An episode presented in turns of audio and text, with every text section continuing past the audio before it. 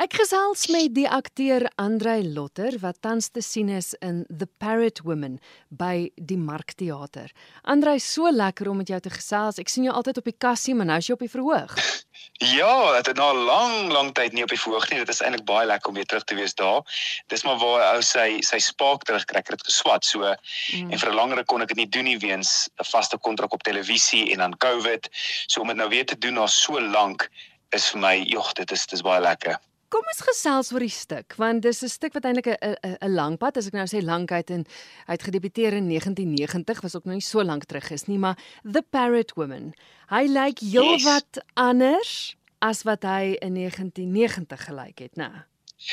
Hy is baie baie anders. Kyk, Charles J. Fourier, die die die teksskrywer van die van die teks het hom in 1988 geskryf en soos jy sê in 1990 perform en dit was 'n Afrikaanse stuk eers gewees of dit was 'n Afrikaanse stuk. So hy het al deur baie metamorfoses gegaan en hy het Engels geraak, hy het getravel en um ja, dit is dis 'n hele paar jaar terug. En toe Charles J. Fourier met James Noble praat van die Markteater, die vorige artistiese direkteur, het hulle gepraat oor iets wat gaan hulle doen en um die play die Parrot Woman was een van James se favourite plays en hy sê te vir Charles maar doen die play maar omskep dit in 'n in 'n onvertelde storie van die Anglo-Boereoorlog wat baie mense nie van weet nie. So um Charles het toe die hele storie gaan gaan omskakel van van die essence bly net maar dieselfde maar dit is nou net 'n onvertelde storie. So hy het hy het 'n hele ander baadjie gekry. Um dis 'n Setswana uh, aktrise wat die wat die vrou karakter speel. So dit verander 'n paar van die elemente maar maar die just van die storie kan ek nou maar sê bly dieselfde. So ons het ons het deur 'n groot hoe kan ek sê navorsings en eksperimenteringsproses gegaan om om hierdie nuwe teks wat ek nie die vorige shows gesien nie. So mm. so dit was basically 'n hele nuwe teks met dieselfde titel basically. Dit is my ongelooflik want ek weet die oorspronklike en ek het hom ook nie gesien nie, maar die oorspronklike een soos ek verstaan, jy sê nou dit was Afrikaans gewees, dit was 'n 'n 'n wit karakter gewees. Dit is nou omgeskakel yes. na na 'n swart vrou toe, want ons wat wat selfs op skool geleer het van die Anglo-Boereoorlog, ons het nie dikwels geleer dat daar swart mans en vrouens deel van die oorlog was nie. So dis goed daai kant word vertel. Dit is soos ja, op skool het ons geleer die Anglo-Boereoorlog was tussen die boere en tussen hmm. die uh, Britte. En um so wat Charles gedoen het en ons het eintlik ons eie research ook gedoen en Charles self onlangs uitgevind daar's nuwe statistieke wat uitgekom het van die Anglo-Boereoorlog en dit het hy gebruik om hierdie teks nou um te herskryf is dat um van die swart mense moes geveg het eider vir die boere of saam met die boere of saam met die um Britte of hulle was oppassers of hulle was aan die kos aandraaf of of ewen um spioene gewees en hulle was ook in konsentrasiekampe geplaas either in in in saam met die saam met die vrouens of in hulle eie konsentrasie uh, kampe so dit was dit was 'n ding wat ek nooit geweet het nie en met die navorsing van hierdie pleit ons besef dis eintlik daar's 'n groter gedeelte van die oorlog um wat ons nie van geweet het nie wat ons nou op die op die verhoog sit. En dit is interessant om te sien hoe mense ewe skielik wat ek nie die Anglo-Boereoorlog volgens my uh, kennis is nie oorlog wat baie vertel word nie. Mm. Omdat ons nie altyd die kennis daarvan gehad het nie. Ons het maar geleer op skool die die Angola grensoorlog was die groter een oor vertel wat is onlangs uh, in die wêreldoorlog. So om hierdie nuwe om hierdie nuwe uh, inligting te kon kry van die Anglo-Boereoorlog was baie interessant en is lekker om op verhoog te sit.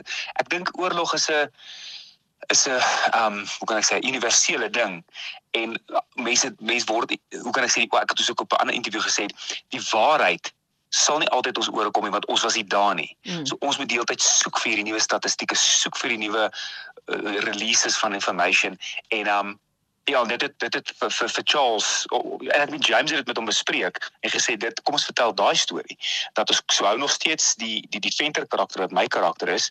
Uh 'n Britse soldaat wat 'n Afri Afrikaanse herkoms is en um, ons maak dit 'n Setswana vrou en wys nog steeds die connection tussen human beings. So so ja, dit is dis 'n onvertelde storie en en ons het die teks of Charles het die teks hier en daar verander met met um met feite. Ons vertel nog steeds dis hoe kan ek sê is dit ekstra feite ingesit ja. van uh van die swart vrou wat wat obviously ook in die in die oorlog was in haar hele storie. Maar dis baie belangrik eh, om te sê dit dit gaan oor die oorlog. Die oorlog is die is die agtergrond wat yes. die storie skep, maar dit gaan eintlik oor die mense.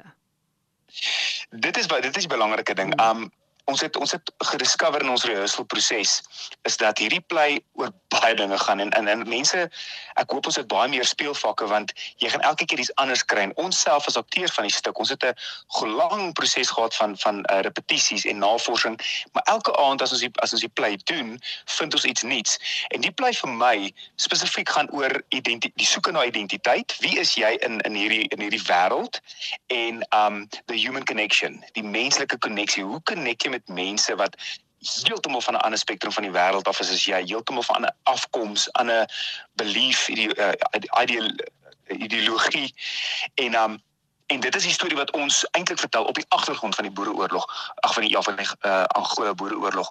Obviously sit ons 'n paar van die van die feite in, ons noem name, ons noem spesifieke spesifieke insidente van die Angola boereoorlog, maar in essens gaan dit oor soeke na identiteit hierdie albei hierdie karakters en waar pas ons in in hierdie oorlog en ook die ons werk met cages. Ehm um, as die mense sal sien ons ons werk heeltyd met hokke. En almal is maar gehok in 'n sekere manier veral in daai tyd. Jy's gehok en jy's geforseer om iets te doen wat jy nie wil doen nie. En in hierdie proses moet jy jou identiteit vind en moet jy human connections maak nie net met jou eie nie maar met mense as jy al die die kleur en die en die gender en alles afstrip hoe kan mense connect en dit is wat ons in hierdie play um explore en wat ons gesien het actually groot gedeelte van die van die storie is. Ja. Die titel The Parrot Woman, jy sê nou julle is in hokke, maar maar die titel yes. strek se volwyere as dit.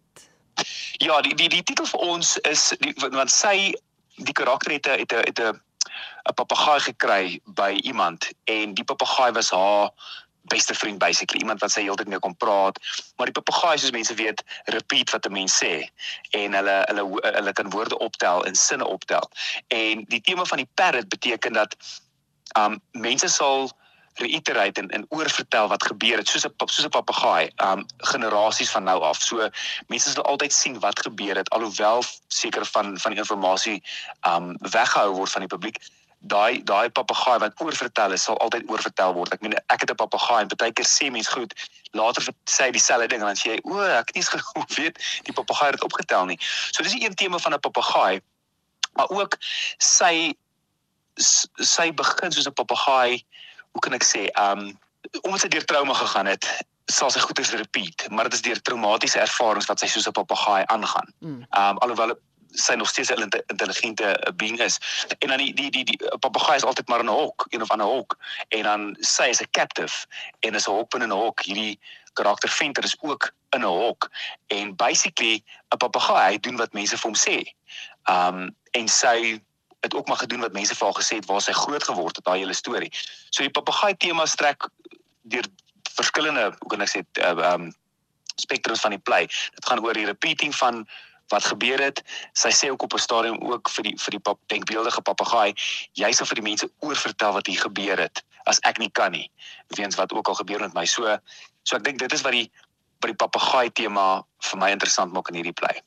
Vertel my van die aktrise wat saam met jou op die verhoog is.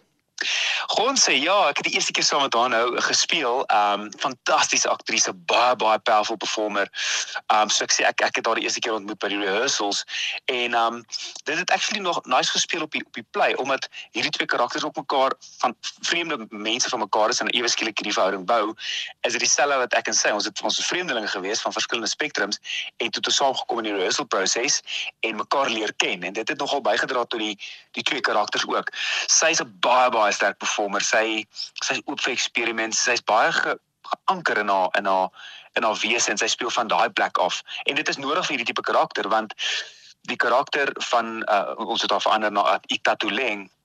Sy het hier baie trauma gegaan. So sy moet mal voorkom, maar controlled mal en op die einde soos die play aangaan en soos die verhouding tussen die twee develop vind jy eintlik uit sy is eintlik maar normal. En die audience is dan soos o, maar die aktrise gaan sê om hierdie levels te kan reach ja, jy kort 'n baie spesiale aktrise vir dit en sy sy het daai beats elke elke performance. Sy's ja ek sal enige tyd weer saam met haar speel. Nou jy het reeds geopen by die Markteater maar jy het 'n lekker lang speelvak Ja, ons het geopen en dit was nogal 'n baie lekker opening geweest. Um, ons het 'n lang proses gehad om te reus wat nice was. Uh en ons het 'n speelvak tot die 25ste September wat baie baie lank is. Ek meen mense kry nie altyd die geleentheid om so lank speelvak te kry nie weens obviously die die feeste feeste is 'n vinnige 4 5. So ons is baie blessed om by die Markteater ehm um, 'n 4 weke rand te hê. So ons het nog ja, um, ons begin vanaand weer elke aand 7 uur en dan en dan uh, Sondag 3 uur. En ehm um, ja, dit is so lekker om om 'n lang speelvak te ook jy soos ek nou net gesê het, jy jy ontdek nuwe goed van die karakter, van die storie en van mekaar as as akteurs in hierdie in hierdie play. En dis die enigste geleentheid wat 'n mens kry om dit te kan doen want TV is vinnig is nou en dan. En 'n fees is so serieus jy drie performances en jy gaan aan. En daar's altyd 'n ding wat hulle sê in teater is dat jy begin eintlik die play verstaan nader aan closing night. So so ons het 'n baie lank speelvak om hierdie ding te vind en hopelik raak ons die bord nie. Ek twyfel of dit sal gebeur want hierdie play het baie baie elemente. So ja ons is baie blessed om om gegeen te die die geleentheid te kry om om so lank te speel